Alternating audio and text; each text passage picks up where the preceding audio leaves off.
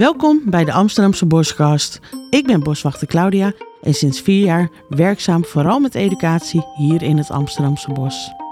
In de Amsterdamse Boskast nemen we je mee naar ons bos.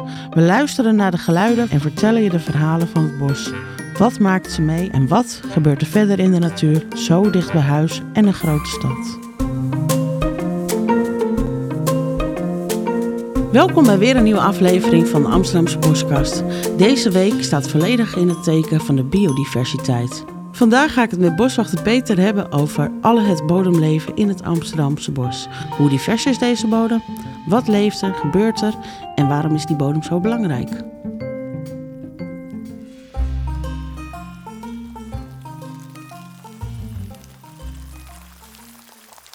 Hoi Peter, we zitten vandaag in een even iets andere setting. We zitten in een eh, mooi kantoortje. Maar we gaan straks ook nog wel even naar buiten. We gaan het vandaag hebben over de biodiversiteit van bodemleven. Ja, Kan jij daar iets vertellen? Wat is bodemleven?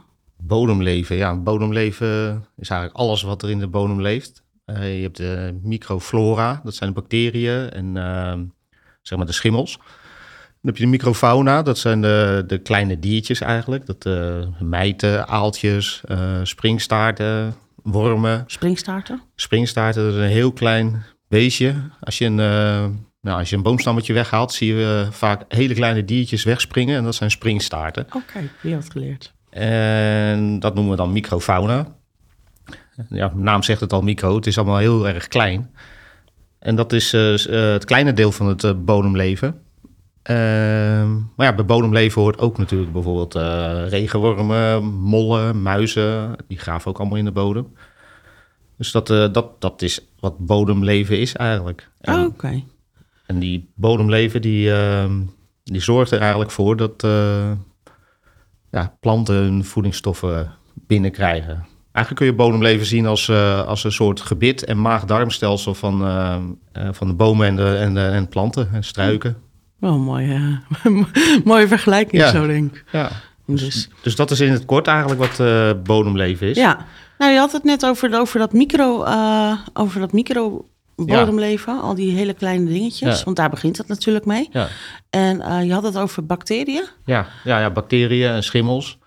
Ehm, Vallen daar dan ook de paddenstoelen onder? Ja, paddenstoelen zeker, want dat zijn eigenlijk de bloemen van de schimmels. Eh, en schimmels die zijn eh, echt heel erg belangrijk voor eh, onder andere bomen. Waarom dan? Nou, eh, eigenlijk schimmels, sommige schimmels werken samen met de, met de bomen. Mhm. Dat noemen ze symbiose. En die schimmels die, die zorgen ervoor dat de boom bepaalde voedingsstoffen binnenkrijgt en mineralen en vitamine. En de boom die levert dan energie aan die schimmels. Eh, maar die schimmels eh, hebben een heel uitgebreid netwerk. Dat kan, eh, één schimmel kan bijvoorbeeld in een heel bos wel eh, groeien. En die zorgt voor verbinding met alle bomen onderling. En die zorgt dus ook voor dat een wortelstelsel van een boom ehm, eigenlijk nog groter wordt. Waardoor een boom ook een groter bereik heeft om, om voedingsstoffen en water ook te krijgen. Ja, dan ga ik even, even visualiseren. Dat doe ik wel vaker in mijn hoofd. Dus die, die schimmel is eigenlijk het soort telefoonnetwerk van die bomen. Ja, ook. Want eh, behalve die voedingsstoffen kunnen ze ook eh, chemische signalen eh, overdragen. Bijvoorbeeld als een boom wordt aangevallen door, nou ja, door een kever bijvoorbeeld. Als die bladeren gaat eten, dan gaat de boom een alarmsignaal kan die afgeven. Dat, dat zijn allemaal chemische stofjes die, die dan in die boom zitten. En via dat schimmelnetwerk geeft zo'n boom eigenlijk ook een signaal aan- naar de omgeving, naar de andere bomen. Die dat kunnen ontvangen, ook weer via die schimmels. Eh, en dan zijn buren, zeg maar, de buren van zo'n boom, Die kunnen alvast zich wapenen tegen een eh, aanval van die kever. Kijk, Dus eh, het is allemaal heel complex en we weten er ook helemaal niet alles van nog. Want het, die, die, die, samenwerking tussen die schimmels en bomen, dat is nog niet heel erg lang geleden ontdekt. Maar het is er wel. Het is eigenlijk een, en dat, daarom heet het eigenlijk ook, ehm, zeg maar, het eh, bodemvoedselweb. Omdat het allemaal met elkaar in verbinding staat. bodemvoedselweb. Ik vind hem wel heel mooi omschreven. ja, Peter. zo noemen ze dat. Ja, wauw. Nou, dan had je het over al die kleine microfauna-organismes. Ja. Ja, ja daar, daar heb je ook natuurlijk eh, echt eh, nou ja, heel veel soorten in. Ehm, maar ja, je, die springstaarten bijvoorbeeld, of eh, aaltjes, dat zijn eh, hele kleine soort wormpjes noem ik het maar eventjes. Ja. Maar die kun je nou ja, of met een microscoop zien of net nog met een eh, loep. Ehm, maar ook daar heb je weer allemaal verschillende soorten in. Je hebt soorten die, die leven van eh, andere insecten. Je hebt soorten die eten alleen maar plantaardig eh, materiaal. Ehm, en samen breken ze al dat materiaal af en zetten het om in voedingsstoffen voor, voor, voor planten en bomen. Ja, en zo ruimen ze natuurlijk ook die bodem dus Ja. een beetje op eigenlijk. Ja, Ja. en het is eh, net als de rest van alle leven op, eh, op aarde. Het is eh, eigenlijk één grote kringloop ook weer. Ja. ja, zoals alles inderdaad. Ja. Nou, dan kwamen we bij de volgende aan. Ja, nou je hebt bijvoorbeeld wormen. Die, eh, die zijn ook super belangrijk. Maar waarom? Nou, je hebt eigenlijk drie, eh, drie groepen van wormen. Je hebt de, de, de bodembewoners, die, die eh, komen eigenlijk nooit aan de oppervlakte, maar die, die graven alleen maar onder de grond. En die zorgen daardoor eigenlijk dat de bodemstructuur eh, eh, nou, wat luchtiger wordt. Ehm, dan heb je de strooiselbewoners, dat zijn eigenlijk de wormen die wij altijd zien. als het regent of zo, want die leven in de bodemlaag en die, die zetten eigenlijk vooral plantaardig materiaal om naar, naar voedingsstoffen ook. En dan heb je nog de pendelaars. En pendelaars, dat zijn eigenlijk wormen die eh, zich verticaal verplaatsen. Dus eh, van onder naar boven en van boven... Als een goed? lift. Ja, eigenlijk wel. Maar die zorgen daardoor wel dat door die gangetjes die ze maken, eh, dat water weg kan. En dat eh, voedingsstoffen van boven eh, verder de bodem in kunnen zijpelen. Dus bijvoorbeeld als je, als je inderdaad je, je grond heel erg aangetrapt is, dan moet je die pendelaars hebben. Eigenlijk wel, ja. Ja. ja. En, eh, maar ja, dat is een van de dingen. In een bos is het niet oké, zeg maar, dat die grond is aangetrapt. Nee. Want ehm, dat, dat heeft dus heel veel invloed op dat bodemleven. Kijk, Ja. in één theelepeltje bodemleven, daar leven al meer organismen dan dat er mensen op aarde zijn. Echt. En dat is maar een theelepeltje. Dus, dat heb je eh, echt wel mooi beschreven zo. dus dat, eh, dat is best wel veel eigenlijk. Dat Ze is hebben- heel veel. Ze hebben eh, wel berekend, zeg maar, dat je als je het bodemleven bij elkaar hebt, dat je per hectare 4,5 ton aan bodemleven hebt, aan gewicht. Maar dat is dan inclusief ook mollen bijvoorbeeld en zo. Mhm. Maar dat is heel veel. Dat is echt heel veel. Dat kunnen we eigenlijk. Dat, kan je niet eens in een kamertje kwijt. Nee. spreken. Nee, en dat is eh, als het, nou, Aan als het heel, nee, dat kan je zeker niet kwijt. En als, eh, ja, dus dat, dat wijst eigenlijk al eh, erop dat biodiversiteit in bodemleven echt enorm is. Ja, nou, nu gaan we straks lekker naar buiten. Gaan we kijken of we nog wat van die eh, wat kleinere diertjes kunnen vinden. Misschien dat je dan daar straks nog wat over kunnen vertellen. Ja, we moeten even kijken of we misschien een loop mee kunnen nemen. nou, Dan, dat zou eh, wel leuk zijn. Ja, goed idee. We gaan straks verder. Ehm, tot zo. Ja. Nou, we staan hier midden in het bos nu. Ja, En jij gaat mij wat bodemleven laten zien. ja, nou ja, zo, eh, als we het straks al zei, er is heel veel bodemleven. Dus waarschijnlijk maakt het niet zoveel uit wat je omdraait, maar er zal altijd wel wat zitten. Maar dat wil niet zeggen dat het altijd zo groot is dat wij het ook kunnen zien. Kijk, hier zie je bijvoorbeeld al. In Nederland heb je de duizend poten en de miljoen poten. Het verschil kun je zien eigenlijk, want een miljoenpoot. Het is niet zo dat ze een miljoen poten hebben en een, een duizend, poot, duizend poten. Alleen in Nederland hebben we dat dan zo eh, genoemd. Maar een miljoenpoot is zeg maar een beetje een, eh, een, een rond, langwerpig eh, beestje met heel veel pootjes.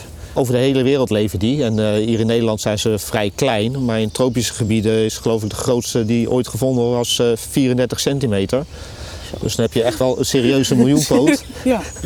Maar ook die heeft niet een miljoen pootjes. Een miljoenpoot is zeg maar eh, een, eh, eh, over het algemeen een planteneter. Dus die eet dode bladeren of vermolmd hout.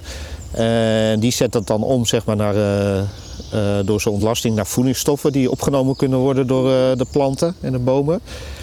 En de duizendpoot, die kun je eigenlijk een beetje zien als je het naar het grote leven omzet. Als de leeuw van, de, van het bodemleven. Want die jaagt op allerlei insecten. Waaronder dus ook miljoenpoten en eh pissenbedden. Ehm, Die, dat is een vleeseter. ja, dus dat is eigenlijk een vleeseter. Ja. Een duizendpoot die heeft ook eh, eh, best wel pittige kaken. Hier in Nederland zal die is, nou, rond 3 centimeter lang worden, zeg maar. Maar als je als kind zo'n dier pakt, dan is je huid nog best wel teer. Dan voel je die beet van zo'n duizendpoot ook echt wel. Maar door een huid van een volwassene, daar kunnen ze niet zo, zo makkelijk doorheen bijten. Maar de grootste duizendpoten die zijn ook eh 30 centimeter. Dus die, eh, die wil je echt niet eh, vastpakken. Nee, je krijgt aan de wandel. En ja, hij gaat lopen, ja. Hij is het zat. Dus, eh, maar goed, eh, ook van de miljoenpoten en duizendpoten zijn er heel veel soorten van. Maar dat zijn de, de wat grotere diertjes. Want die zie je nog met blote ogen en kun je gewoon vangen. Ja. Maar je hebt, eh, nou ja, hier heb je wat kevers ook al. Wat is dit? Deze is wel interessant, want het is een, heel, dit is een hele nuttige voor, eh, voor de natuur. De Nederlandse benaming dat ze, wordt in de volksmond ook wel doodgraver genoemd. En dat is een aaskever. Ehm, die, eh, als er ergens een muis dood ligt, dan, eh, dan ruiken dit, dit soort kevers ruiken heel snel dat er een, een dood beest ergens ligt. En die komen daar dan massaal op af. Nou, ziet er ook wel een beetje, ik vind hem wel een beetje gevaarlijk uitzien. Ja, hoor. het is een beetje een. eh, nou ja, hij is op zich niet gevaarlijk, maar hij is eigenlijk heel nuttig. Want hij eet al die dode dieren op die in het bos liggen. Dus, eh, maar het is niet echt het eh, meest frisse Frisse diertje. diertje wat je tegenkomt. Maar dat is een van de, van de opruimers die eigenlijk nou ja, kadavers eet. Ja. Dus en dan, dan de springstaarten en de aaltjes en zo, die, ja, die kun je nog net, springstaart in ieder geval, die kun je nog net met het blo- blote oog zien. Hier loopt een mijt. Nou, dat ook wel. Mijten zijn een soort spinnetjes, die hebben ook acht, eh, acht pootjes. En die bewegen heel snel. En eh, of heel veel mijten zijn eh, parasieten, zeg maar. Die, die eh, zitten bijvoorbeeld, die aaskevers, dit is een kleintje nog, maar als ze groot zijn, dan eh, zie je vaak ook eh, bruine bolletjes op ze zitten. En dat zijn weer mijten, dus die leven weer van... eh, of Die, zitten weer op die aaseters dan. ja, ja. En in principe zorgen parasieten er eigenlijk altijd voor dat hun gastheer of vrouw blijft leven, want anders hebben ze geen eten meer. Dat, maar ehm, ja, die mijten die zie je dus ook hier alweer lopen. En dit is maar, nou wat is het? Dit is 40 bij 40 centimeter, zoiets. een stukje. En dan treffen we dit al aan en dan Nou, dan nog zie ik meer. pissenbedden lopen. Ja, oh, dat is ook wel grappig over pissenbedden. Ehm, want pissenbedden zijn eigenlijk, eh, die vallen onder de groep eh granalen. Alleen ze leven op land. Oh, da- daar, daar vertel je me echt iets nieuws. ja, ja, dat zijn geen kevers, maar eh, eigenlijk zijn het granalen. Ze kunnen ook heel goed eh, onder water vaak, wat langer. En je hebt ook soorten die, eh, die onder water leven en op land. Dat is, eh, waar we, eh, ja, bij, bij sloten en zo heb je vaak zo'n eh, een waterpissenbedden, zeg maar. Maar die kunnen ook op land leven. Dus jullie zijn eigenlijk garnalen. Rare beesten. ook, want ze hebben ook echt heel veel pootjes, net als granalen. En als pissenbedden eitjes hebben, dan bewaren ze die net als granalen onder hun buik. Totdat ze uitkomen. En dan blijven die jongen ook nog een tijdje onder hun buik hangen. Bizarre beesten. Maar goed, dat, dat kleine stukje, dat, dat treffen we dus al gigantisch veel aan. Ja. hey Peter, dankjewel voor eh, Ja, al deze mooie weetjes. En eh, ja graag Ja. gedaan. we gaan samen nog een keer op pad om eh, Nog meer beestjes nog te meer zoeken. beestjes te zoeken. Ja. Leuk dat je hebt geluisterd naar de Amsterdamse Boskast, die volledig in het teken stond van de biodiversiteit. Had je nog een vraag over biodiversiteit of over een ander thema dat we deze week bespreken, dan kan je ons mailen via deboswinkel.amsterdam.nl. Dankjewel en tot de volgende keer. Doei doei!